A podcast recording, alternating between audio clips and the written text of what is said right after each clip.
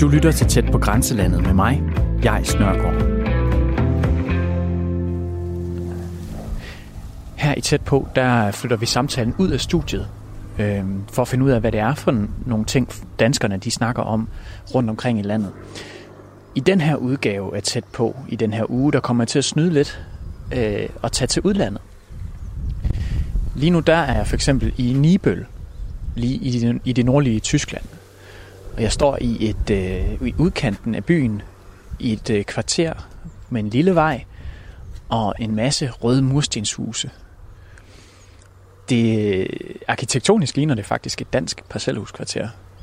Altså husen, nogle af husene er sådan lidt øh, ældre stil, altså sådan, man kunne godt kalde dem sådan nogle, øh, øh, hvis man tænker på en klassisk murmestervilla i Danmark. Øhm, og jeg er her for at besøge Berit Nommensen, øh, som er en del af det, man godt kan kalde det glemte mindretal. For grund til, at jeg er her, det er egentlig for at, at snakke om øh, genforeningen, blandt andet. Det er 100 år siden i år, at øh, Sønderjylland kom tilbage til Danmark øh, ved en folkeafstemning. Øh, og i grænselandet her, der er der det tyske mindretal og det danske mindretal på hver sin side af grænsen. Og så er der det tredje, måske glemte mindretal, som er friserne. Og Berit her, Berit Nommensen, hun er, øh, hun er repræsentant for, for friserne. Nu går jeg hen her og ringer på.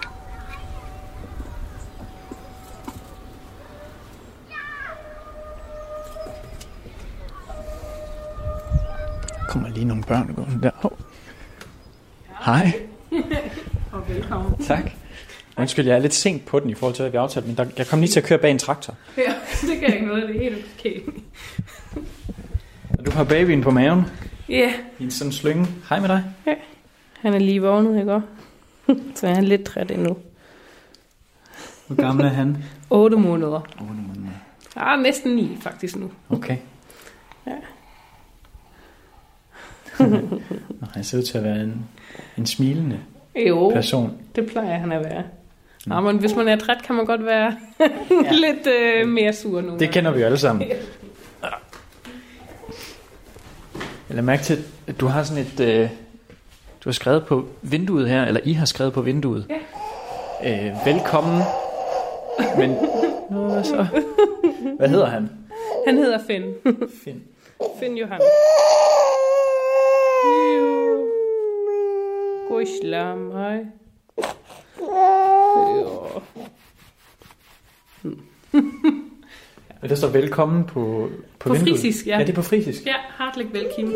Det stod faktisk også uh, herzlich velkommen på tysk og hjertelig uh, velkommen på, på dansk. Nødunder, men det er efterhånden uh, gået tabt. Det er slidt af. ja. Jo. Øhm, hvor skal vi sætte os hen? Jeg tænkte, vi sidder her i stuen. Ja. Um, vil du have noget at drikke? Kaffe, te, vand, noget andet? Hvis du skal have noget, vil jeg gerne have noget. Men øh, bare noget vand måske. Ja. Ja. Jo. Men. Jeg lader mærke til, øh, sådan, når jeg kørte gennem Nibøl her Ja. på vejen ind, øh, husene, de ligner, altså kvartererne ligner noget, der kunne, kunne ligge i Danmark, Jo, synes jeg. Sådan, ja, det, det kunne vi sagtens. jeg synes tit, at jeg har oplevelsen af, når jeg kører ud af Danmark, for eksempel når man kører over på den svenske side, eller sådan noget, så, så skifter arkitekturen ret markant.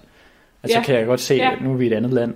Ja, Men her, der, lag, der tænker jeg, at det kunne lige så godt have været i nærheden af, ja. af Aarhus eller København eller sådan noget. Jo, altså især her i grænsregionen, ikke også? Det er jo, fordi det ikke engang har været Danmark, og sådan er det jo på begge sider af grænsen. De ligner lidt hinanden. Er du nervøs for mig eller mikrofonen, Finn? For det hele, tror jeg. Drikker du vand med brus? Eller Ja, ja, er, det, ja. er det for tysk? I Danmark drikker man jo også gerne bare øh, vand uden brus. Og der har vi jo valgt at kalde det dansk vand, når der Ja. er brus i, så det Ja, ja, lyder det- som det, det mest danske, der findes. det er rigtigt, ja.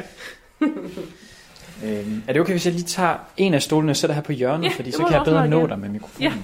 Jo.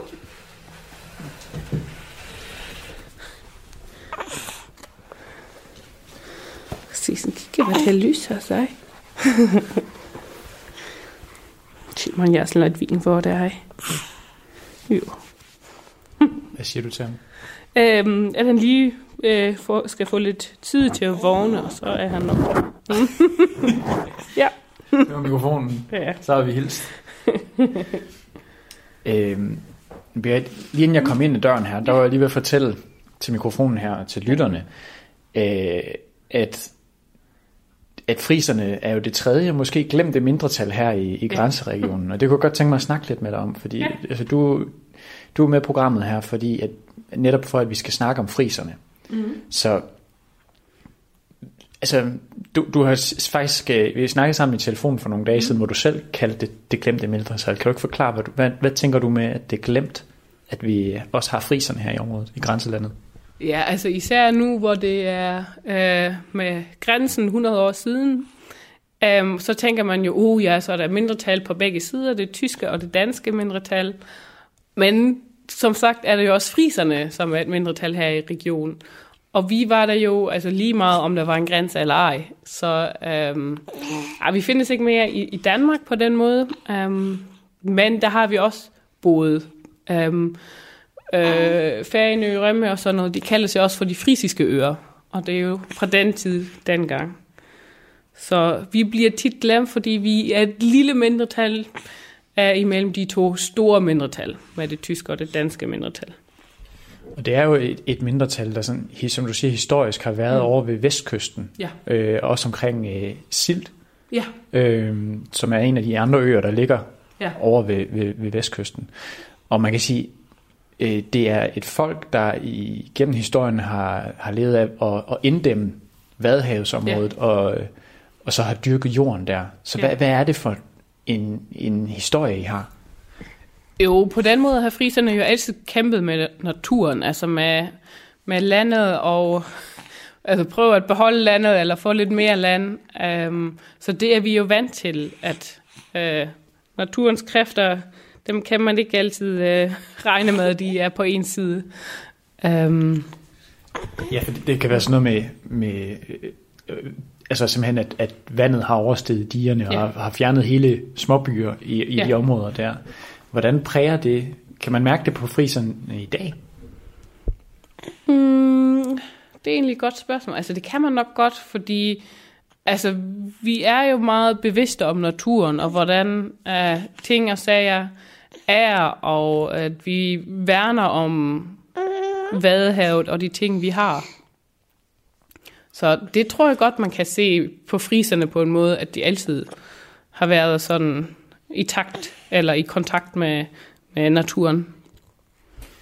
Og nu er vi jo så i Nibøl, det er jo ikke helt ude ved kysten, det er jo mere lidt, der er vi lidt mere inde i landet. Er, er, er, det, er der mange friser her, eller er I sådan en, en sjælden familie i det her område?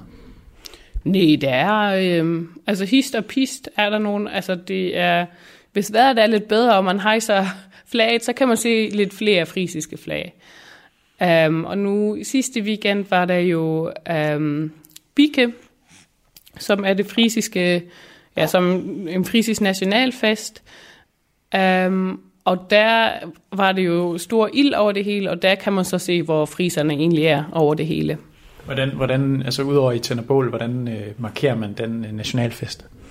Uh, det er lidt forskelligt fra landsby til landsby, um, men der, hvor, hvor jeg øh, holder til til Bike i, i Risum, der plejer vi uh, at synge ved ilden uh, på frisisk. Bagefter går vi så um, og spiser noget alle sammen, og så ser vi noget teaterstykke på frisisk, og så er der nogen, der holder en tale, um, og typisk er de sådan lidt kritiske over for, hvordan situationen er lige nu med det frisiske eller ej. Uh, men det er helt forskelligt, øh, hvem der er talsmanden. Og øh, hvad spiser I til sådan et øh, til sådan en, en fejring? Det lyder lidt som, i øvrigt som sådan en, det er en blanding af Sankt Hans ja. og fastelavn, eller, eller ikke, altså vi klæder ikke ud, men, men tidspunktet er, er, Ja. er i starten af året i stedet for Ja. midten. Ja, det er altid den 21. februar. Og det er, fordi den 22. f- øh, februar er, øhm, ja, øh, hvad hedder det på dansk? Ja, Peder Stoldag, altså partersdag på, på frisisk. Og det var en dag øh, fra kirken, og Bike var bare dagen inden. Så det er sådan, det er blevet, at det altid er den 21. Um, og det er jo den kolde årstid og om vinteren, og så er det typisk, at man jo spiser grønkål, så grøn langkål med kartofler og øh, forskellige slags kød. Det er altid kød i friserne. um, jeg kan ikke huske, hvad altså...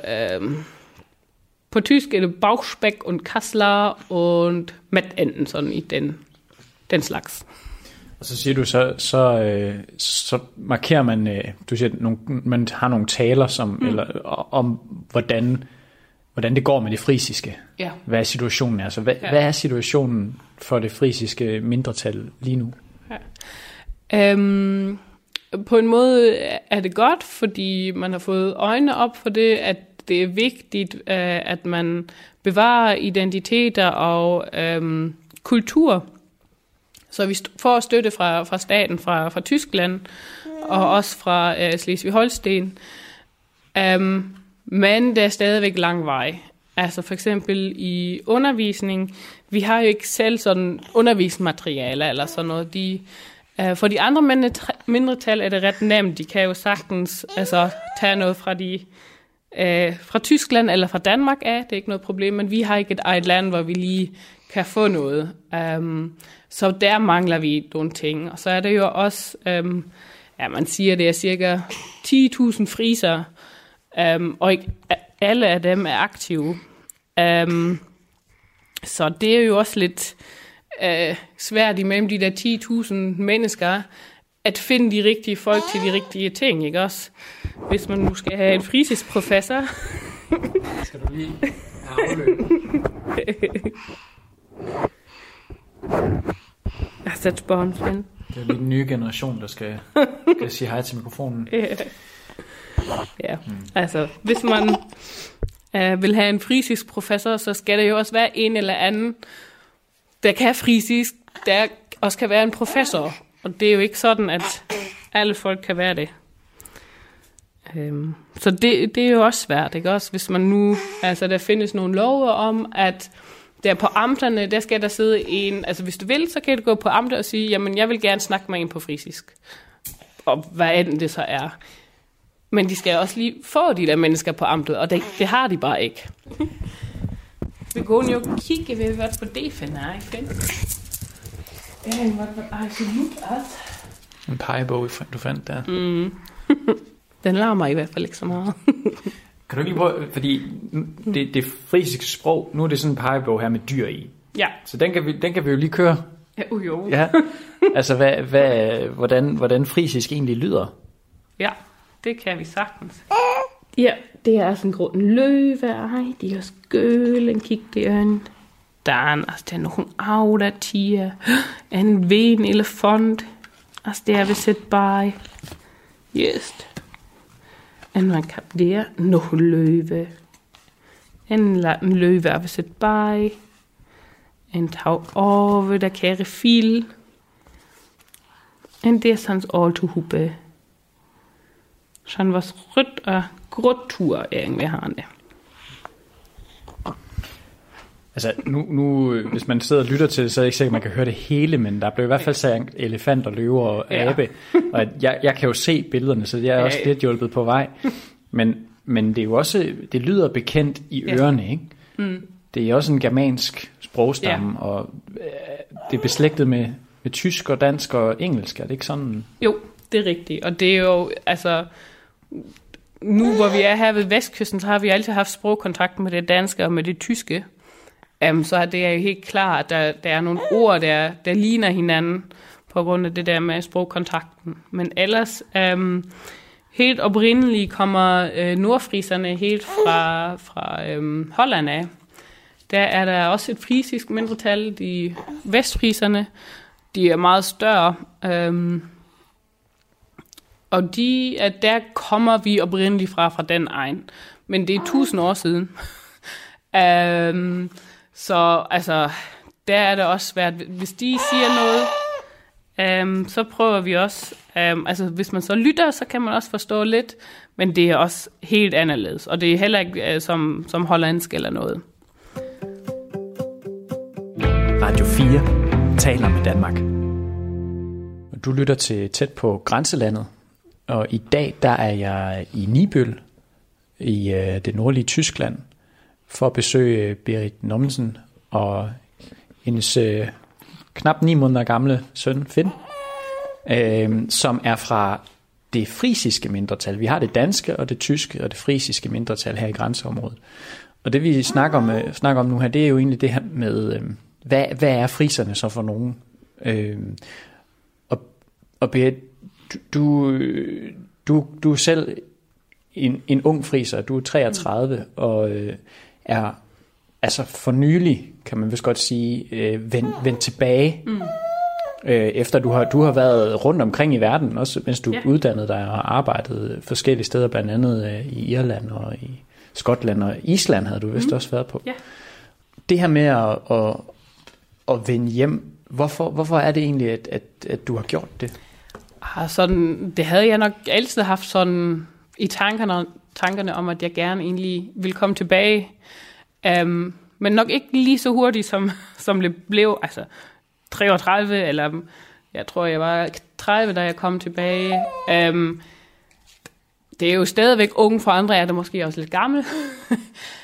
um, jeg kunne godt have rejst lidt mere rundt, men jeg synes, det er dejligt at komme tilbage. Altså, jeg vil jo også gerne noget, gøre noget for, for friserne. Altså, som sagt, det er jo ikke så mange, og um, hvis, uh, der er ingen, hvis der er ingen, der gør noget, så uh, uddør sproget jo. Så jeg vidste, at jeg på et tidspunkt ville jeg gerne tilbage. Men det kunne også godt have været om 10 eller 20 år. Du snakker også om det der med den, den frisiske identitet. Mm. Altså, hvad betyder det for dig? Og, altså, hvad, hvordan mm. kan du mærke det, at du er friser? Jo, altså når jeg jo taler frisisk med min søn for eksempel, altså der er det jo for mig også helt tydeligt, at det er sådan, det er, og det kan slet ikke være anderledes. Altså, hvis jeg skulle tale et andet sprog med min søn, det bliver sådan lidt mærkeligt, sådan uægte. Øh, så der er det jo, at man mærker, at det, man har det frisiske i hjertet øh, med sproget. Um, og ellers er det nok også, altså på en måde kulturen og hvordan, altså landskabet og det hele, det er jo på en måde sådan en del af det her. Hvad, hvad er den frisiske kultur? Hvordan kan, du, hvordan kan man forklare den? Ja, det synes jeg er ret svært at forklare. det er sådan lidt, øh, ja, vi er sådan et specielt øh, folkeslag på en måde, men altså det er ikke kun friserne, det er også region, at man er sådan lidt øh, mere sådan hyggelig og sådan lidt mere øh, afslappet og altså det synes jeg, det er man sådan lidt mere her. Øh, om det nu kun er friserne, der er sådan, eller om det er øh, hele regionen, at man er sådan. Det kan jeg ikke helt. Men øh, nu sidder vi jo også her og taler dansk sammen, så, ja. så forbindelsen mellem det frisiske mindretal og Danmark, hvordan, hvordan er den? Åh, oh, nu tabte du din bog her. Oh, den var helt væk. Ja, den er helt væk. Der er bogen. Folie tung. øhm, forbindelsen med, mellem øh, friserne og Danmark, sagde det jo også. Ja. Øhm, det er jo som sagt også på grund af grænsen, og hvordan grænsen har, har ligget de sidste øh, par hundrede år, hvor den var skubt øh, frem og tilbage. Øhm, og der har friserne jo bare altid været der. Og lige meget om det nu var en del af til Danmark, eller en del af, af, af Tyskland. Og her nu, 100 år siden, hvor grænsen blev trukket, um, der opstod der også frisiske foreninger. Og der opstod den ene forening, der var mere øh, dansk præget, som hedder Frisk Forening, og så opstod der en anden forening, der hedder Nordfriesischer Verein, som er mere tysk præget. Um, øhm, og um, der findes jo de danske skoler her i Sydslesvig, og der er um, vores skole, Risum skole, Risum Schøll, det er den eneste skole, hvor vi også har obligatorisk fysisk undervisning. Ja, og der tænker jeg, der skal jeg lige have sagt også jo, at du er jo du er skoleleder for, ja. for den skole, som er en dansk og frisisk skole. Og det, ja. og det er den eneste skole, hvor man kan lære frisisk i skolen? Eller undervises på frisisk? Um, nej, altså der findes også andre danske skoler, som har frisisk undervisning, men der er det frivilligt. Altså der kan de så vælge at sætte et, for eksempel et valghold op med frisisk, um, men hos os, der har de det fra første klasse. Um, og så er det også ved siden af undervisningen af det sproget. Og på de tyske skoler, der har de også frisisk, um, men der er det, ved de fleste er det også valgfag og ikke obligatorisk. Det er et par skoler, hvor det er obligatorisk. Never Men du siger, at du, du, du, du taler så, taler du kun frisisk til, til din søn? Ja, kun frisisk. Altså jo, et par enkelte ord, hvis der er noget, eller øhm, Finns far, han taler jo tysk, så hvis vi snakker sammen, og der så lige er noget, så bliver det jo også bare et tysk ord indimellem, men ellers er det frisisk. Hvis jeg er alene med ham, er det kun frisisk. Øh, og du, du nævnte også det med, lige før, det der med, at når nu der er, er øh, for eksempel bike, mm-hmm. så, har, så har I så i flagene oppe, eller ja. hva, hvordan ser det frisiske flag ud? Mm. Det frisiske flag, det er Gølrydjan Ven, altså guld eller gul, øh, rød og blå. Og der findes nogle forskellige historier om, at det er, når solen går ned over havet, så er det de farver, man kan se. Um, og så plejer der også at stå noget på, på flaget, øhm, um, Liva dyt er slof, som betyder øhm, um, hellere død end slave. Og det er jo, øh, det er jo sådan ret øh, markant slogan at have som, yeah. for, et, øh, for et folk. Hvorfor tror du, at I har det? Um, der findes også en legende, også for eksempel om en, der kaldes uh, Vessel Hummer, um, som har levet på det tidspunkt, hvor også um, uh, kong Abel fra, fra Danmark også levede. Og der var det også altid, um, så var man også jo til dels underlagt Danmark, og så findes den der myte, at den danske konge ville øh, kræve mere i skat, og det gad friserne ikke. Og så var der en stor øh, øh, slagt øh, kamp, øh, og der var det så Vessel Hummer, Hummer han øh, dræbte øh, kong Abel. Det passer ikke helt med de historiske facts, men det er den legende, der er der. Og der er det nemlig det, man siger, altså hellere at være død, end at være slave for en at betale for altså skat for eksempel. Er det, er det noget, øh, man stadig efterlever? Er, er friserne et oprørsk øh, øh, gruppe af, her i Tyskland? Mm, jo, til dels, men altså... Jeg, jo, det var så en fald oprørsk, ej. ja. um, jeg tror, på en måde er vi det, men der er jo så meget andet, der sker i verden, så jeg tror faktisk ikke, vi er oprørsk nok til at øhm, kunne få de ting, som egentlig vil hjælpe os med, med det frisiske. Altså der kunne man egentlig godt lave lidt mere oprør. Men, men er, der, er der noget, som... Øh, når, når du siger, at, at man er stadig lidt oprørsk, hvordan, hvordan kommer det til udtryk? Ah, friserne er aldrig sådan altså helt tilfredse. Og altså for eksempel her til, til biketalerne, der har de, blev det jo også talt om, hvordan at, øhm, hvad er det, cirka knap 20 år siden, der fik man lovet det ene og det andet fra staten, og der var man så glad for det, men hvor er vi nu? Det er ikke blevet bedre faktisk. Så der bliver man jo lidt øh, oprørsk og forlanger lidt flere ting. Men inden det virkelig kommer gang i det hele, det tager jo lidt tid. Er, er I sådan egentlig på sådan et, et særligt politisk spektrum? Sådan, altså, hvor kan man sige det? At nu er det jo et helt folk nærmest, men altså, ligger, ligger friserne på, på kan, man, kan man sige, at de hører til politiske sted? Um, jo, der findes jo her hos os findes uh, øh, SSV, som er jo både partier for det danske mindretal og for friserne. Og det er også det typiske, at det, og friserne, det bliver tit glemt. Det er sådan, altså flertalsbefolkningen ser SSV, nå jo, det er for, for det danske mindretalpartiet. Nej, det er faktisk for alle mindretal, for friserne også. Og det er der, man... SSV Ja. Det er, ligger sig sådan lidt op af den skandinaviske måde at, Ja. at, at, at lave, lave et samfund på, ikke? Jo, jo, Altså, skandinaviske velfærdsmodeller og den slags. ja, jo.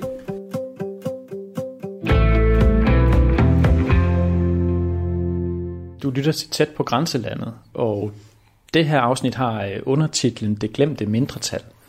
Og det handler om, øh, om friserne, som også bor i det nordlige Tyskland. Øh, og som er sådan et, et, et folk, der egentlig hører til over ved, ved vestkysten, over ved Vadehavet. Og jeg er hjemme ved Berit Nommensen, øh, som bor her i Nibøl, øh, i det nordlige Tyskland. Og vi lige sat os ned på gulvet, fordi at din søn på ni måneder, Finn her, han, han var lidt træt af at sidde og vente på, at de voksne snakke færdig. Øh, du er jo øh, du er jo skoleleder ja. På den dansk-frisiske skole, Jo. øh, og er kun 33 år. Så altså, hvor- hvordan, øh, hvordan kom det i stand egentlig? Altså, det, er jo, det er jo en del af den der historie med, at du er vendt, vendt hjem til, til det frisiske mindretal. Ja, altså, øhm, jeg har al- altid egentlig godt kunne tænke mig at komme tilbage til skolen. Altså, det er også min egen gamle skole, jeg har selv været på den, og det er som sagt den eneste dansk fritidsskole. Så det var klart for mig, når jeg nu bliver lærer, så skal jeg også på et tidspunkt tilbage. Um, men jeg havde ikke lige regnet med, at det gik så hurtigt, og heller ikke som skoleleder. um, den førhenværende skoleleder, han øh, havde også altid sagt sådan årene inden, ja ja, når jeg går, så kan du jo komme. Og jeg har bare sagt, ja ja, ja ja. Øhm, og så lige pludselig, øh, så, så var det sådan, at han øh, skulle gå på pension, og øhm, de andre lærere, som faktisk også er øh, øh, mine gamle lærere, øh, de har så sagt, jamen, vil du ikke også, øh, vil du ikke også prøve at skrive en ansøgning, og skal vi ikke lige snakke sammen og sådan noget? Så tænkte jeg, okay, hvis de også spørger, så, så prøver jeg bare. Hvis der er en anden, der gerne vil, så har jeg ikke noget problem med det, fordi der, hvor jeg arbejdede på det tidspunkt, jeg var ret, ret glad for det. Um, men der er jo også et begrænset antal friser og et begrænset antal mennesker, som så kan være skoleleder på en frisisk dansk skole. Um, og så i sidste ende, så blev det mig, så jeg skulle lige sætte mig og tænke, nå okay, så må jeg jo prøve det. Nu har jeg jo sagt ja til det. Men jeg er ret glad for det. Altså, jeg, jeg har et godt team bag ved mig, og jeg kan godt lide at, at være på skolen, så det er det helt perfekte sted for mig. Og i det frisiske mindretal, hvad, hvilken rolle øh, spiller skolen så? Um, en ret stor rolle, fordi det er jo som sagt den eneste, hvor vi har dansk frisisk på den måde, og hvor de også altså fra 1. til 9. klasse har frisisk undervisning. Um, øhm, så på, hos os får de jo et helt andet niveau med det frisiske. Um, på Før har de også, men det tyske gymnasie, der har de også frisisk undervisning, og også helt fra start til slut. Der er det også et andet niveau. Men her på fastland, og især i forhold til det, det danske, er det også den eneste skole. Og hvis der er noget, så er det også altid, øh, at det sker på skolen. Altså, vi var jo så heldige, at vi fik besøg af, af dronningen sidste år. Altså i september kom hun jo på besøg hos det danske mindretal, og også på besøg hos friserne. Så det var vi ret glade for. Du vil gerne have den mikrofon. Ah, det ser der på sig fedt.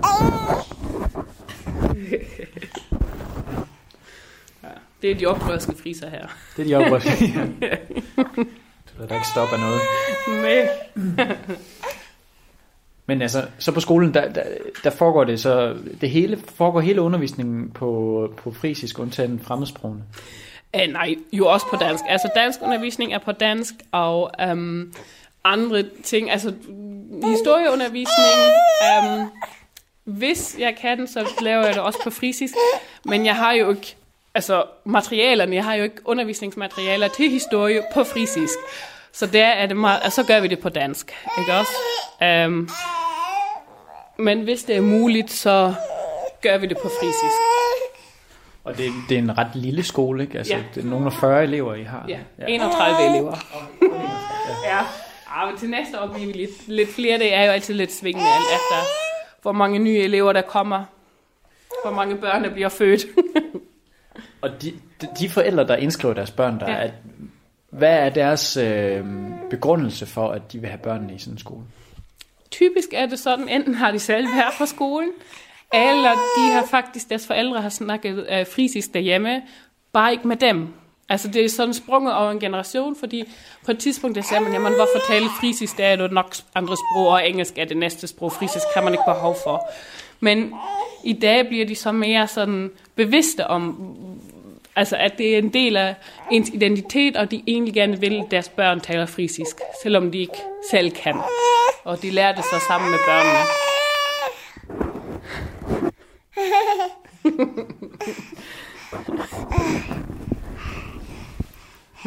Men du siger, det, det sprang en generation over?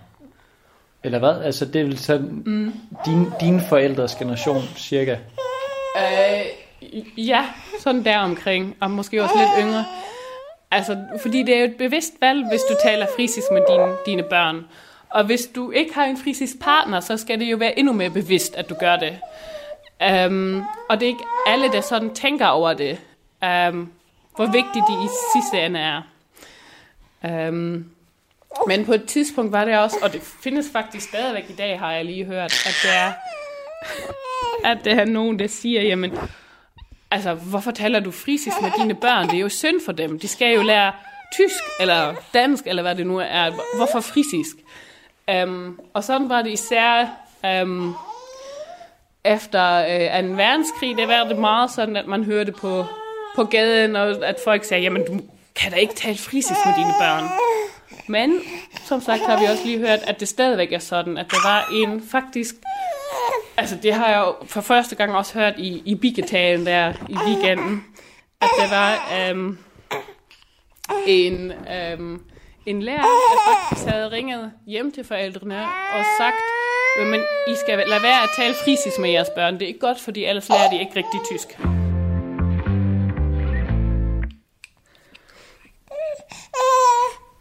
Mm, kan hun appetit finde? Er det det smukke? Det var det, der manglede. Det var mad i maven. Men Bette, du var lige, kan du lige fortælle, du var ved at fortælle om det her med, hvordan øh, indstillingen til det med at tale frisisk, den har været. Ja, det, altså, som sagt, det var sådan, her efter um, 2. verdenskrig især, der blev der tit sagt, jamen hvorfor taler du frisisk med dine børn? Altså det er jo synd for dem, de skal jo lære tysk, hvad skal de bruge frisisk til? Og det forvirrer dem jo bare. Og det tror jeg som sagt, det var noget fra gamle tider, fordi i dag ved vi, ved vi jo med videnskaben, og at det faktisk er godt, når man er flersproget. Altså det, det hjælper med, med hjernen og det hele, med at sætte alle ting sammen. Um, men der var, det hørte vi til Bigetalen her um, i weekenden, at der var um, faktisk, jeg ved ikke hvorhen, øh, en lærer et sted, som havde ringet hjem til forældrene for at sige, jamen du kan ikke, du skal stoppe med at tale frisisk med dit barn, fordi det er synd, det forvirrer dem. Og det synes jeg er forfærdeligt, at en lærer kan finde på at sige sådan noget, og ringe hjem til forældrene, fordi altså, det er jo helt forkert, det der. Ja, så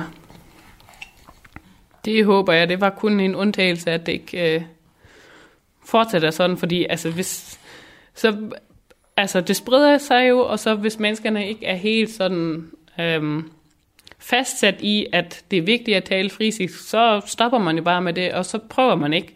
Og så bliver vi jo færre og færre, og det er jo især sproget, som, som udgør identitetet hos friserne, synes jeg. Og hvorfor er det vigtigt at bevare den øh, identitet? Um, altså her tænker jeg også især på verden i dag, ikke også? Den bliver jo på en måde større og større på samme tidspunkt, mindre og mindre med globalisering og det hele. Du kan rejse alle steder hen og arbejde over det hele, hvis du gerne vil. Men hvor er det egentlig, man kommer fra? Hvor har man rødderne? Og der synes jeg jo, at det, det er så for eksempel for os som friser, det er jo vores rødder. Og de, de er jo vigtige for at kunne, at man ved, hvem man er, hvor end man er hen i verden så. Ja, du har, du har både været udvekslingsstudent i mm. Canada, ja. og du har taget din uddannelse i Danmark. Ja. Øh, I hvert fald læreruddannelsen. Ja. Og så har du, du har været, var det i Filippinerne? Og ja, på, praktik, ja. ja. Og på Island, ja. og øh, Skotland og Irland. Så ja. hvordan har det hjulpet, hvordan har det hjulpet dig øh, i forhold til det der med at vide, hvor du kommer fra. Altså, hvordan, hvad, har, hvad har det hjulpet, hvordan har det hjulpet dig, når nu du selv har været sådan lidt en globetrotter? Øhm, altså, især alt efter, hvor jeg var hen, og alt efter, hvor gammel jeg var, så var det jo helt forskelligt. Altså, i, da jeg var i Kanada, selvom jeg kom jo fra en dansk skole, så var jeg jo tyskeren. Fordi jeg boede jo i Tyskland. De kunne slet ikke se, jamen, hvorfor skulle der være et dansk mindretal i Tyskland? Jeg var tyskeren. Så det var lige meget, hvad jeg sagde, jeg var tysker. Um, og især hvis man så begyndte med det frisiske, så var det jo helt ude. og det er jo også, når man så, altså på Filippinerne, der kunne de heller ikke forstå det. Altså, der var det sådan måske lidt med, så begyndte de, når ligesom øhm, de kinesiske indvandrere, der bor i Filippinerne, jo, men det er ikke helt det samme som det frisiske mindretal.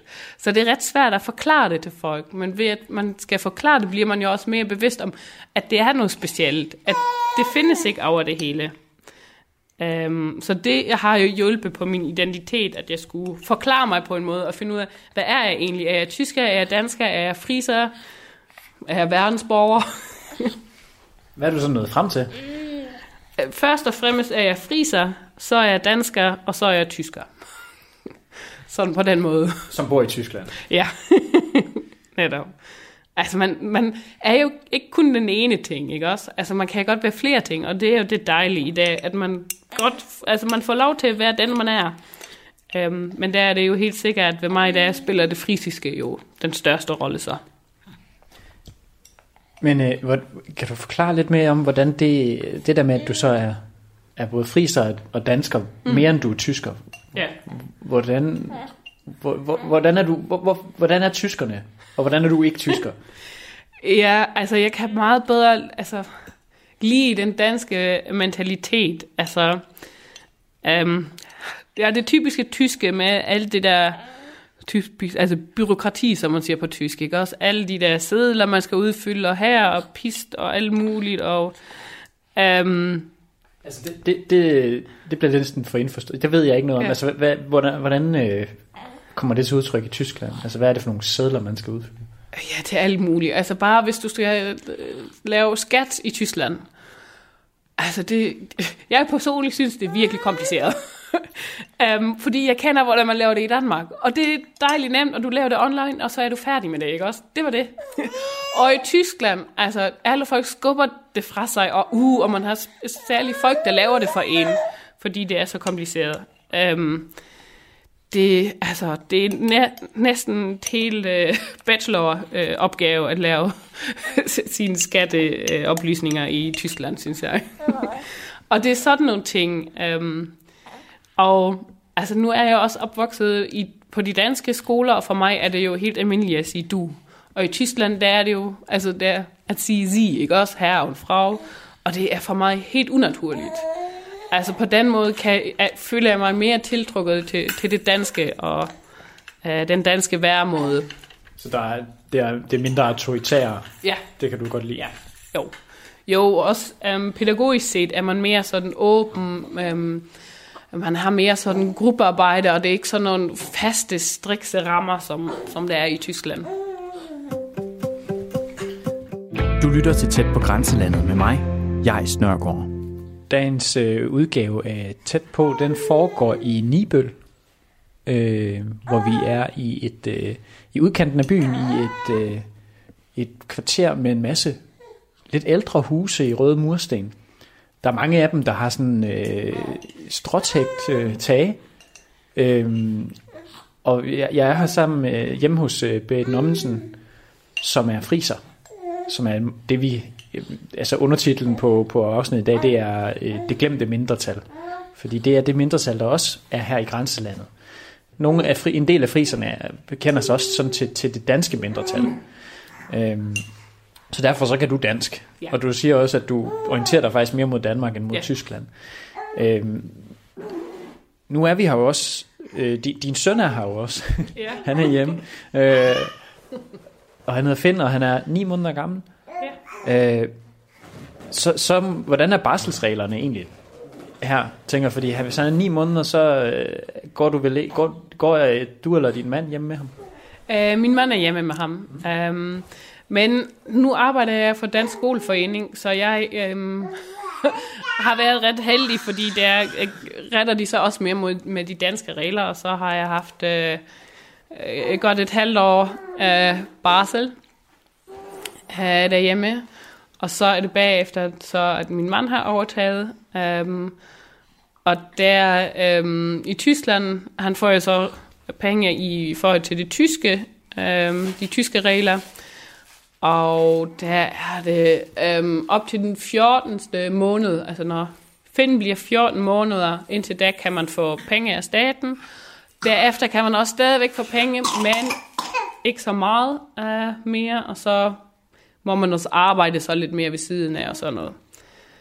Øhm, man kan få op til øh, 1800 euro om måneden, men det vil altid kun være Øhm, uh, ja, hvad var det, 60 eller 80 procent af den oprindelige løn, man ville få. Uh, så alt efter, hvor meget man tjener, uh, er det godt eller ikke så godt. Men du siger så, altså, du taler frisisk med ham, og din mand taler vel tysk. tysk. Mm. Øhm, Men han lærer frisisk. Gør han det? ja, han har faktisk været på frisisk kursus. Um, og så nu um, lærer han jo frisisk ved, at han lytter til, hvad jeg, jeg siger til uh, Finn, og det hjælper rigtig meget.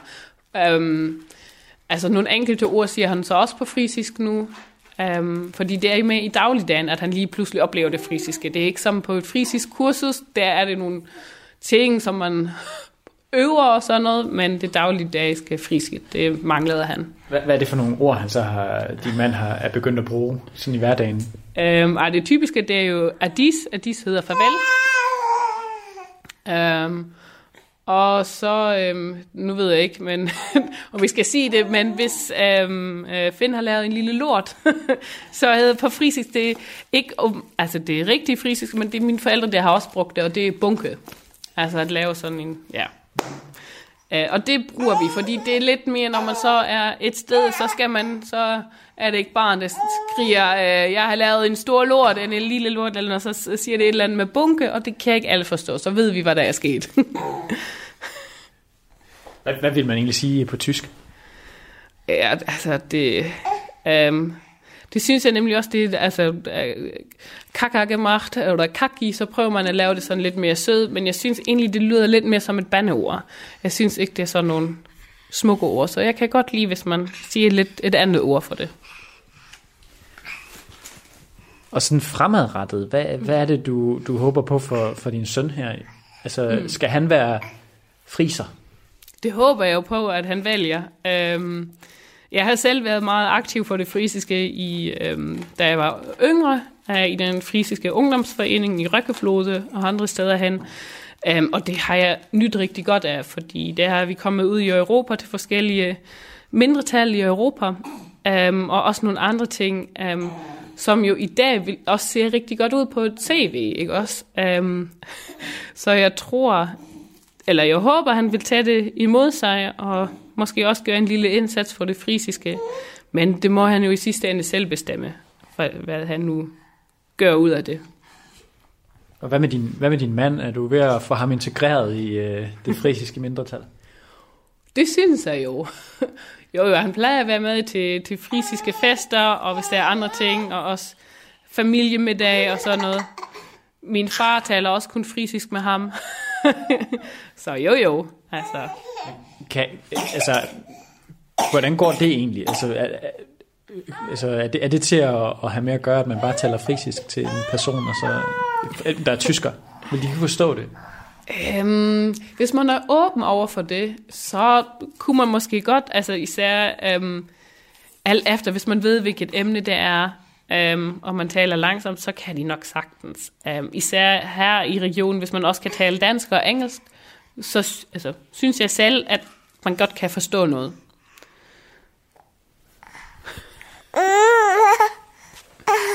Hmm, zit er een bitte? Und ich zit er nog een leid mehr eten. Zullen we eens kicke? Der Er noch ein een leid efter. Oh, nu. Uh. Helt pøllert. Nå, niks. Håber du, at hans første øh, ord bliver frisisk? bliver et ord på frisisk, altså? Det ved jeg ikke, altså... Det virker lidt mere, om at han siger øh, pappa, eller han siger nok mere mamma end, altså, ui, ja, end, altså, øh, mor på frisisk er mam, men, altså, jeg siger jo ikke mam til mig selv, det er jo så, øh, min kæreste, det siger det, og han siger jo, hmm, hmm, mamma er der, eller sådan noget. Um, så det bliver er nok med i den retning. Men, må vi se. Han elsker katte, måske bliver det hans første ord på frisisk. Hvad, hvad hedder kat på? Hvad det Ja, det er faktisk ret tæt. Det er kot. Det er bare med bolle over. Bruger, man bolleå på frisisk? Ja. Okay. Man har øh, bolle over, um, og man har også A og Ø, bare den tyske version. Tror du, men nu er du så blevet, blevet skoleleder på, på den dansk frisiske mm. skole, og øh, skal være med til at få de næste generationer ind i det frisiske mm. fællesskab. Er det, øh, er det planen, at du skal fortsætte med det resten af din karriere så? um, altså, jeg er den tredje skoleleder på, på den der skole, og det er tradition, fordi den første, hun har været der i tror knap 30 år, og nummer to har været der i knap 30 år, så det er åbenbart sådan, man gør. Men det ved jeg ikke, det kommer at tiden jo vise. Altså, jeg ville da gerne gøre en indsats for det frisiske, uh, øh, men jeg ved ikke, hvad, hvad tiden bringer, og i hvor lang tid. Altså, nu kan jeg godt forestille mig det, men jeg synes også selv på et eller andet tidspunkt, der bliver man sådan, sådan lidt selvblind, og så synes jeg, så, så skal man gerne lige skifte. Men alligevel så, det, der med identiteten, mm. altså hvordan, øh, kan du huske, hvordan det, øh, altså hvornår gik det op for dig, at det var vigtigt for dig, det med, med at holde ved, mm. det med at være friser? Mm, det er nok, eftersom jeg har været, altså som jeg har sagt med den frisiske ungdomsorganisation, så var der altid sådan nogle ophold ved andre mindretal i, i Europa.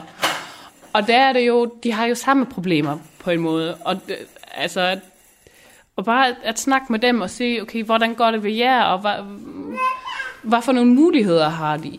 Um, og det, det, jeg tror, ved de der rejser, så lader man mærke til, hvor vigtigt og hvor specielt det egentlig er, det man har med det frisiske.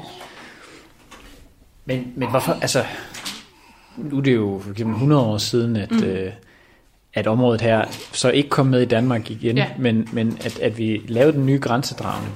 Mm. Øh, hvordan, kan, hvordan kan det blive ved med at leve videre som et, et, et, et, flert, eller et mindretal som det der? som jeres? Mm.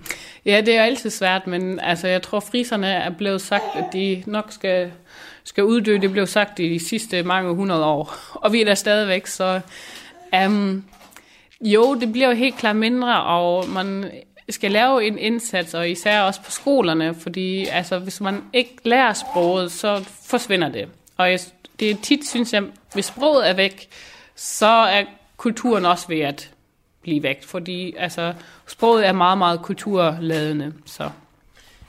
Men altså, det, det er et lille mindretal ja. på omkring de 10.000. Ja. Øh, altså, hvorfor er, det ikke, hvorfor er det ikke fint nok, hvis I ender med at blive tysker, eller endegyldigt ja. være, være et dansk mindretal i stedet for? Ja. Jamen, så kan man jo også blive ved, så kan tyskerne jo også godt forsvinde, og danskerne, så kan vi alle sammen blive engelsk, så kan vi alle sammen have det ene sprog, og så var det det. Um, men du vil jo altid have et vist tilhørsforhold, altså alt efter hvor du kommer fra, også hvor du kommer fra i Danmark, så er du, øh, kommer du fra Als eller sådan noget, så har du også tilhørsforhold til det. Så um, det er jo noget, som også hjælper på identiteten, og hvis du så også har sproget, altså det, det er bare ellers lige pludselig et stykke kultur, der, der mangler. Men det lyder som om, at du har kunne bruge det sådan lidt som et, et, et anker, det ja. her. Altså, mm. Hvorfor er det vigtigt at have? Ja, altså, fordi i dag kan du jo være over det hele og over alt i verden. Uh, og blive alt, hvis du bare vil, ikke også? Det er jo det, som man egentlig siger. Så er det jo altid godt, at man har sådan et anker, så man ved, hvor kommer jeg fra, hvad, hvad, hvad er jeg egentlig, og hvad har jeg lyst til.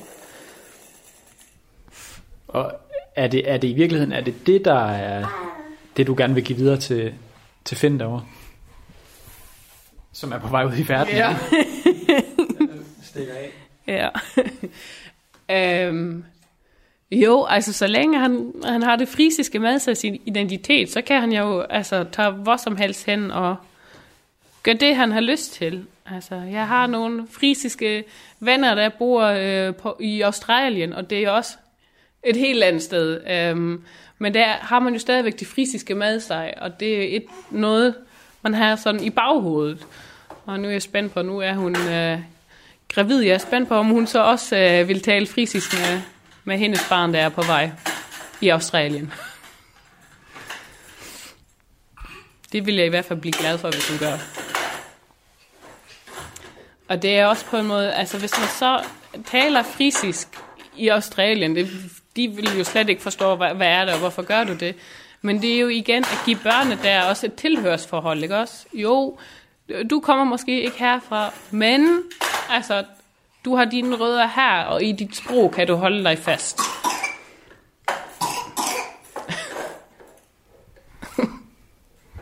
Men øh, programmet, det, øh, det er ved vejs ende nu. Berit Nommensen, du skal have meget tak, fordi at jeg måtte komme og besøge jer. Det var så let, det må du da gerne. Kan du også sige farvel, Finn? Hej hej. Adis, ej. Adis.